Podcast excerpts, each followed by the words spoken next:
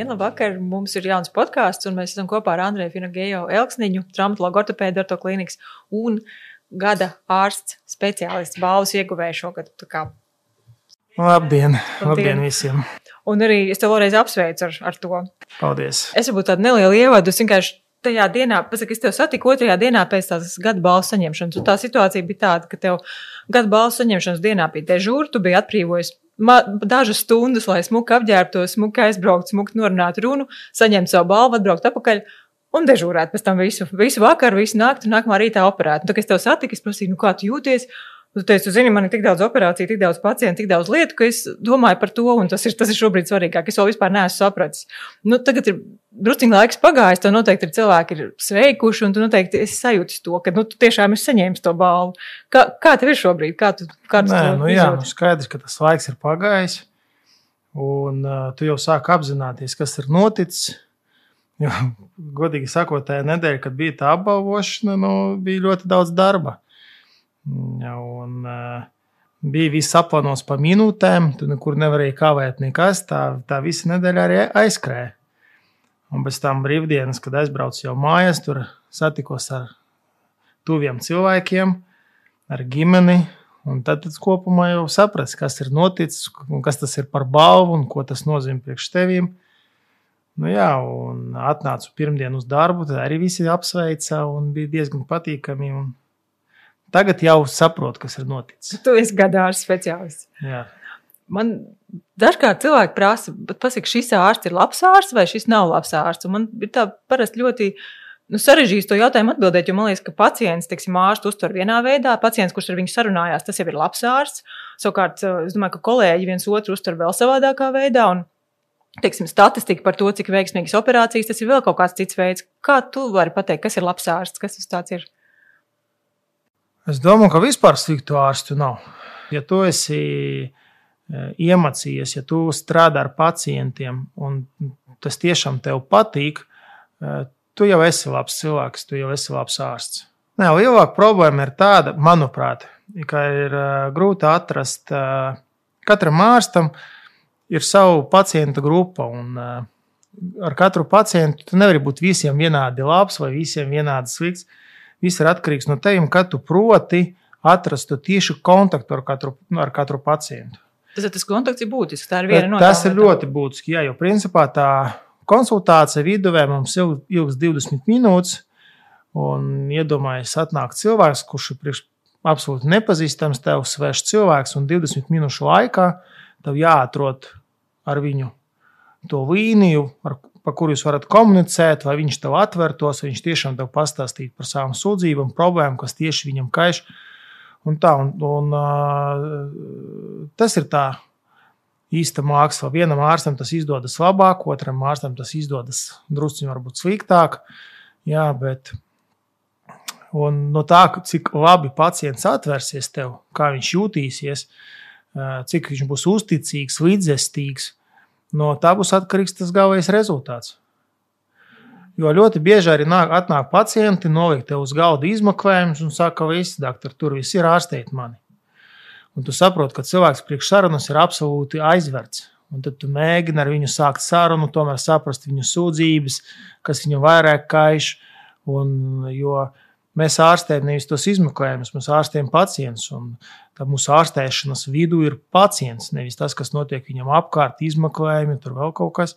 Tāpēc ļoti svarīgi saprast, kas, kas tieši viņam traucē. Jo, kā arī teica mani vecāki un vecāki, veselu cilvēku nav. Jā, vi, vi, vis, visiem, visiem, cilvēkam ir, jā, visiem cilvēkam ir kaut kādas problēmas, bet tas nenozīmē to, ka tas problēmas ar veselību uz doto brīdi cilvēkam traucē. Jā. Un tev vajag atrast to tieši iemeslu, kāpēc cilvēks ir atnācis pie tevis, kas tas iemesls viņa sūdzībām, un tad ārstēt tieši to iemeslu. A, kas ir labs traumatologs ortopēds, ja mēs ņemam vēl tā specifiskāk? Jo tur jau klāt nāk tā ķirurģiskā puse, tā, tās operācijas. Kas attiec uz traumatoloģiju, es nedomāju, ka tas attiec tikai uz traumatoloģiju. Ja, tas attiecas vispār uz uh, to ķirurģisku nozari. Ja. Uh, skaidrs, ka tev jāmāk pareizi ar pacientu runāt, atrast to kontaktu. Tālāk tev jāatšķir, kas no tām visam slimībām, kas pacientam ir, rāda viņam sūdzības, un tad arī atrast to pareizo ārstēšanas variantu. Jā, es vienmēr, es vienmēr uh, lieku sevi pacienta vietā. Ot, ja man būtu tāda problēma, ko es gribētu šī situācijā, ja es būtu nu, tāda, tāda vecuma un ar tādam, tādam sūdzībam, piemēram. Ja, nu, tad es arī mēģinu atbildēt uz pacienta jautājumu. Ja, jo visi mēs zinām, ka vienādas patoloģijas var būt ārstētas absolūti dažādi. Viss ir atkarīgi no sūdzībām, no vecuma, no cilvēka aktivitātēm, no dzimuma un tā tālāk. Tāpēc es vienmēr mēģinu nostāties pacienta vietā un saprast, ko es gribētu. Vēl viena tāda lieta, man liekas, ka laika gaitā ir ļoti mainījusies vispār ārsta loma, nu pat ne loma, bet tās, tas, kas ārstam ir jādara. Ja, teiksim, agrāk pietika ar to, ka ārsts pieņēma kabinetā un operēja pirms tavā, tavas specializācijas gadījumā, tad tagad, piemēram, skatoties uz tevi, saprotu, ka Nu, ir ļoti paplašinājušās tās lomas, jo tu gan pasniedz, tu organizē dažādas lietas, tu specializāciju, teiksim, traumatoloģija, ortopēdija centies virzīt uz priekšu, teiksim, vēl kaut kāda sadaļa ir mēdīja, vēl kaut kāda sadaļa ir kaut kā arī zinātniskās publikācijas. Respektīvi, tas lauks ir ļoti plašs, kur ārsts darbojās. Tad, respektīvi, vairs nepietiek ar to, ka ārsts tikai sēž kabinetā un ārstē pacientu. Es uzskatu, ka ārstam jāmācās visu dzīvi. Jā, un paldies tam kolektīvām, ar kuru es strādāju, tas Orta klīnikas komanda. Uh, Mums te neviens vienkārši nesēž tā, ka nepieņem pacientus un neoperē. Mēs visi kustamies, mēs visi attīstāmies, mēs palīdzam viens otram, mēs arī stimulējam vienu otru, nu, tā kā stumjam uz priekšu. Ja. Ar to savu darbību. Jā, lai, nebū, lai nebūtu tas tikai tā rutīnas darbs, ka tu atnāc uz darbu, paskaties pacientu, pēc tam tu kādu pacientu izopera un ej mājās. Jā, tomēr ir vajadzīgs kolektīvs, ir vajadzīgs kāds, kas tev ir blakus, ar kuru te varētu parunāt, padiskutēt. Uh, pavūkt kaut kādu padomu. Un tā, un šīs diskusijas veidojas tā īsta patiesība un tas risinājums, kā palīdzēt pacientiem. Tev kaut kas specifisks no visas tā jomas, kas īsti nav tieši, nu, tieši nezinu, pacientu pieņemšana un, un operēšana. Ir kaut kas, kas tev vislabāk patīk no tā, vis, no tā lielās virtuves, kas ir apkārt. Nē, nu man patīk arī pasniegt, tāpēc es arī strādāju Rīgas Stradiņu Universitātes traumatoloģijas ortopēdijas katedrā. Uh, Jā, nu, man patīk, pirmkārt, man patīk tas ar to, ka, kad tu gatavojies katrai lekcijai, tev ir iespēja palasīt kaut ko jaunu, uzzināt kaut ko jaunu par konkrētu tēmu. Otrakārt, arī runājot ar jauniem cilvēkiem, topošiem ārstiem, tu arī saproti, kas viņus tagad interesē šī laikā, kur uzsvērt. Tas, tas no vienas puses arī palīdz pēc tam komunicēt ar pacientiem. Jā, tu saproti, nu, uz ko akcentētu cilvēku uzmanību, lai viņam vieglāk un, atra, un ātrāk, lai viņš vieglāk un ātrāk varētu saprast to ideju, ko tu mēģini viņam izstāstīt. Jā. Skaidrs, ka man arī patīk komunicēt. Mēs taisām seminārus gimnas ārstiem, fizioterapeitiem, jo nu, tas arī palīdz tev attīstīties, tas arī palīdz atrast to kopējo valodu ar uh, citas profesijas pārstāvjiem. Ja? Jo mēs redzam pacientus ļoti īsa laika periodā, piemēram, konsultācija, pēc tam operācija, pēc tam pāris reizes pēc operācijas. Ja? Bet tos pacientus vairāk novara pēc tam ģimenes ārsti un fizioterapeiti. Un skaidrs, ka komunikācija ir ļoti svarīga. Ja? Piemēram, man arī interesē, kā tam pacientam iet, kā viņš jūtas, kā viņš vingro, vai ir kaut kādi sarežģījumi. Ja? Man nav tā, ka es pametu savus pacientus un visus par jums vairāk neko negribu dzirdēt, esiet ģimenes ārsta uzraudzībā. Nu, tā nav. Jā, tāpēc tā komunikācija mūsdienās ir ļoti svarīga. Jā, tagad mēs visi pārgājām uz to online komunikāciju, bet principā nu, jau pielāgojamies. Man, manuprāt, tas diezgan veiksmīgi mums izdodas. Arī taisnība. Pieksim, ģeniāliem cilvēkiem laikam ir tā, ka viņi nu, laikam, ir spējīgi ļoti šauri, ļoti dziļi specializēties kaut kādā jomā, un vispārējā pasaule, vispārējās lietas viņiem ir ļoti sarežģīti un nevienkārši. Bet savukārt talantīgiem cilvēkiem, pie kādiem viennozīmīgi arī tev pieskaitu, nu, ir ļoti daudz interešu un ļoti la, nu, talantīgi tie cilvēki ir daudzās lietās. Teiksim, nu, no tavas tādiem nu, agrīniem lietām, teiksim, kas tev ir bijuši, kad, piemēram, tu esi bijis DJs Daugopilī. Es domāju, ka daudz Daugopiliešu tev joprojām tā arī atcerās, ka tu biji talantīgs tajā lietā, vai tu esi nīris un arī mācījis cilvēkiem niet, respektīvi, tev ir daudz visādi interešu. Bet es gribēju prasīt, vai, vai tev ir laika tam šobrīd? Vispār, cik laika tev vēl kaut kam bez medicīnas ir šobrīd? Nē, nu viss laiks, kas man ir palicis bez medicīnas. Uh, tagad es veltīju, vēl savai ģimenei. Jā. Skaidrs, ka pārējiem hobijiem paliek ļoti maz laika. Jā, nu, labi, kad ir vasaras laiks un tāds siltāks ziemas periods, nu, tu vari peldēt. Man patīk vēl peldēt zem ūdens. Jā, nu, arī ļoti reti, kad es aizbraucu pie kolēģiem, pie draugiem uz aerodromu Daugopili, kur viņi veic ar izplatņiem. Jā, bet, nu, bet principā 90 9% no sava brīvā laika es pavadu ar savu ģimeni, ar tuvajiem, ar bērniem. Tas ir no brīvā tā, laika. jā, no, Cik tev ir? Jā, pārējā laiku, pārējā laiku aizņem darbs, diemžēl. Tā kā pateica mana sieva, nu, priekš manim tā, tā medicīna, tas ir dzīve, dzīvesveids. Kā to ir savietot ar ģimeni? Cik, nu, tas tomēr ir diezgan sarežģīti. 24, 7 būtībā kāds tev tas dzīvesveids ir medicīnā. Kā, kā, cik, Kā ir ar to ģimenes dzīvi? Kā Nē, es ļoti uzskatu, menedžeri? ka man, es uzskatu, ka man ļoti paveicās, jo mana sieva arī ir ārste, un es ļoti ceru, ka viņa saprota visu situāciju, viņa skatās no malas. Viņa palīdz, viņa palīdz noņemt to iekšējo nemieru, kas tev dažreiz ir, un arī dažreiz iedot tev tādu stimulu, iet turpināt to darīt tālāk. Un tādā ziņā viņa palīdz un atbalsta. Jā, milzīgs viņa paldies par to. Mm, tur ir liela, liela vērtība, tā taisnība. Bet es vēl gribēju par tavu skolotāju, vismaz vienu no, ar, par Andreju Peredistī. Viņam ir tas skatījums uz to, ka uh, jaunam ārstam līdz 36 gadiem viņam arī ir jāstrādā 24, 7, respektīvi visas 7 dienas nedēļā un būtībā visu laiku. Un to visu laiku ir maksimāli jāuzsūc. Viss, kas ir specializācijā, viss, kas ir kolēģos par tevi runājot, man šķiet, ka tu tiešām to tā arī dari. Varbūt tu vari īsi izstāstīt, kāda tev izstāsta nedēļa. Jo es domāju, ka nu, cilvēkiem nav priekšstats, ka tiešām tā var būt, ka cilvēks arī strādā. Nu, no, būtībā bez brīvdienām. Es domāju, ka Dr. Andrēs Peredīstis, viņš joprojām strādā 24 stundas, 7 dienas nedēļā. Jā, pat ja nu, viņš fiziski nu, jā, nav klīnikā, jā, jā, tā, jā, viņš laikā. fiziski nav klīnika, bet tik un tā viņam zvana pacienti, konsultējas.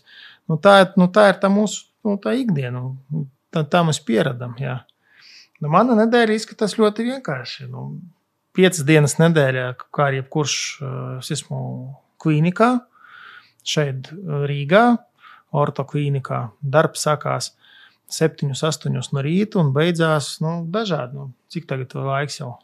Pirms septiņiem šovakar, ap septiņiem vakarā jau tuvojas. Nu, jā, no septiņiem vakarā mēs, es esmu vēl darbā, tikko pabeidzu operēt. Nu, nu, tā ir mūsu ikdiena. Tev ir operācija, tev ir pieņemšanas, bet darbs beidzās kaut kur jā, 6, 7. Ja? Brīvdienas es braucu uz Daugupili, uz ortoklīnikas filiāli, tur arī pieņemu pacientus. Paralēli ir kaut kādas dienākas dežūras slimnīcās. Nu, tā arī notiek. Nu, pieradu pie tā, ka tu visu laiku esi uz telefona, ka tev periodiski zvana nepazīstami numuri. Tu atbildi tiksim, jā, visiem jā, pacientiem. Jā. Nu, varbūt jā. ne ar pirmo reizi, jā, bet, nu, ja cilvēks zvana tur atkārtoti, un es obligāti atbildu saviem pacientiem es vienmēr saku, rakstiet man īsiņas. Jā. Nu, pa dienu, ja tu pa dienu esi ļoti aizņemts, tev dienas beigās varētu būt kaut kāda desmit neatbildēti zvani, tu vienkārši fiziski nevari visiem paspēt atzvanīt un tā. Mm -hmm. Tāpēc, ja, ja pacientam ir kaut kas slikti, viņam ir mans telefons numurs, droši rakstiet īsiņas, nekādas problēmas atbildēšu. Mēs sākām to tēmu par uh, skolotājiem. Vai Andrēs Pirdistīs tev ir vienīgais skolotājs, vai tu uztver vēl vairāk, teiksim, medicīnā, kas vēl tev ir skolotāji? Nē, no Andrēs Piedistīs viņš ir lielākais mans skolotājs. Jā. Viņš ir vissvarīgākais. Un, uh, viņš nav tikai kā, uh, mans skol, skolotājs uh, mana profesijā. Es ļoti daudz ko mēģināju pārņemt no viņa arī savas ikdienas dzīvē. Jā, ir cilvēcīgi tādā ziņā arī. Jā, jā nu, tas īpašības, rakstura īpašības un dažādas lietas. Jā. Principā visi ortoklīnikas ārsti uh, ieguldīja manī kaut kādu daļu no sevis. Visvairāk dr. Peredīstīs, dr. Jurkevičs, dr. Andersons, dr. Viljams, jā, mūsu klīnikas vertebrologi, jā, dr. Rūks, dr. Gulbis.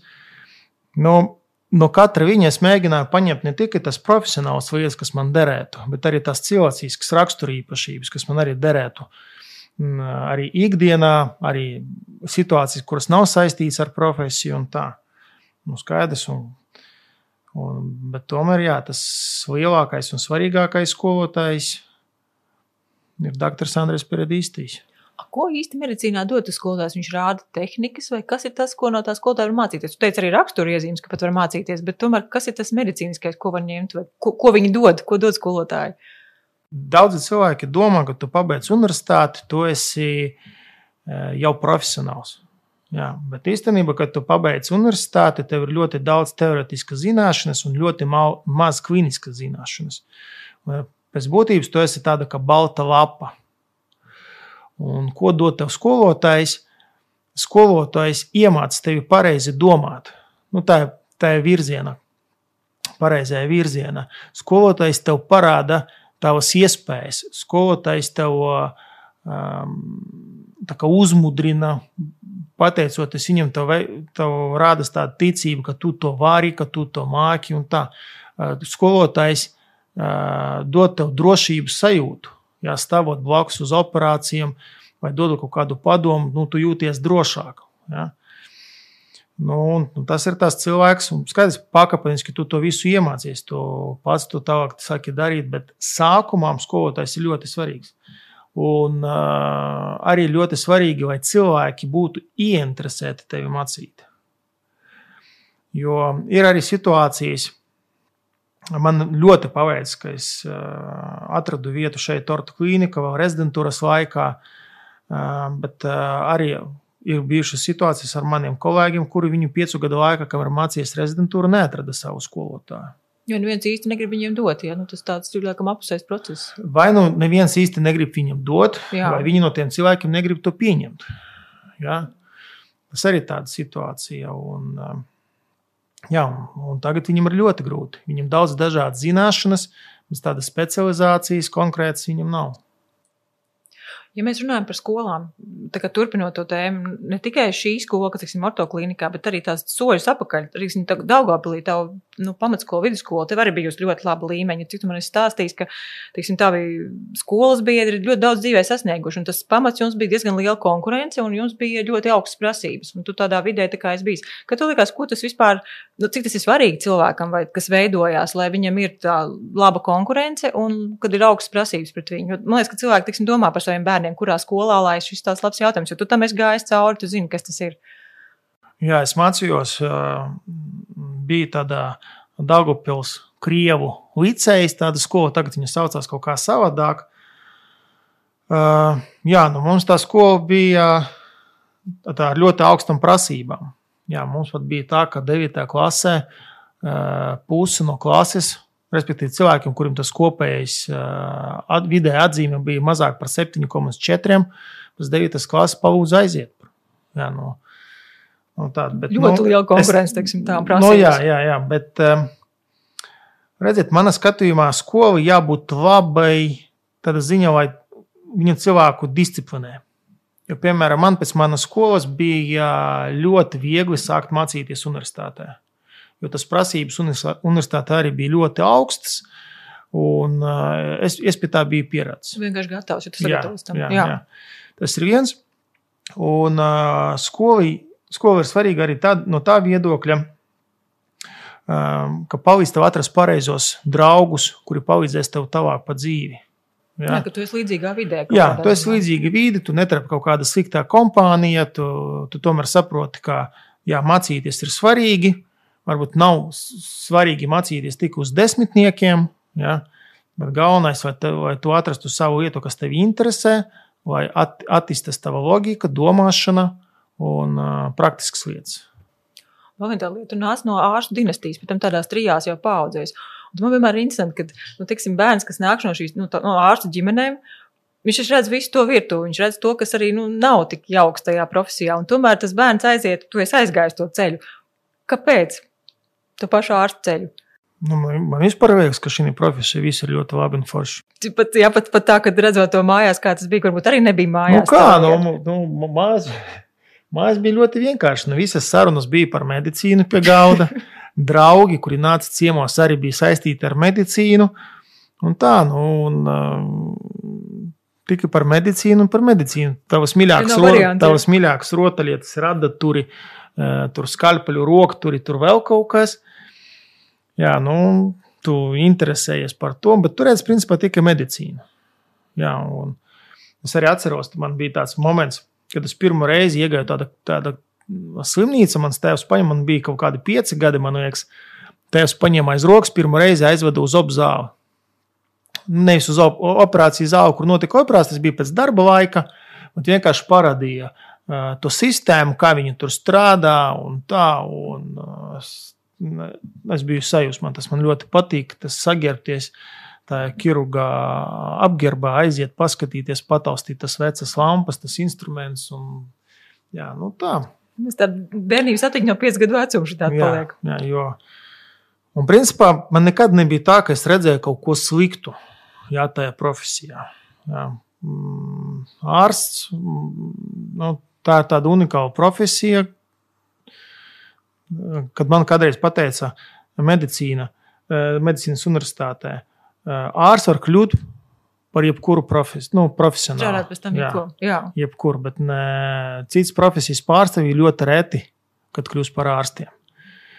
Jā, un tā, nu, skaidrs, ka tur es ļoti maz redzēju tēvu. Man arī bija tā, ka, teiksim, tā, ja es slimoju, nevaru iet uz dārziņu, kur man ņemt, ņemt uz slimnīcu.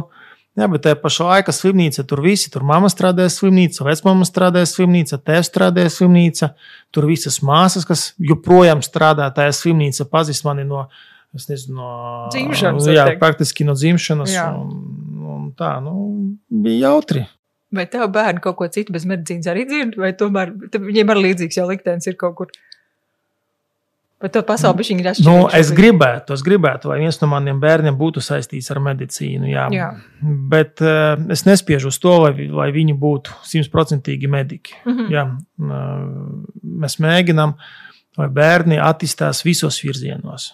Uh, viņam patīk peldēt, viņam patīk jāt ar zirgiem. Šogad, paldies, bija superīga ziema. Viņi tur katras, praktiski katras brīvdienas slēpoja. Uh, Riekstu kalnā un tā, nu, attīstās. Jā. Viņi pēc tam, kad viņi visu izmēģinās, viņi pēc tam paši varēs izvēlēties, kas viņam vairāk patīk, kas, kas ir tuvu sirdī. Klau, nu, tu esi gada ārsts speciālists. Tomēr, nu, es domāju, ka ļoti, nu, tā pagodinoši un forši, bet es domāju, ka katrai tādam ļoti augstam sasniegumam pēc tam tas jautājums, ko tālāk?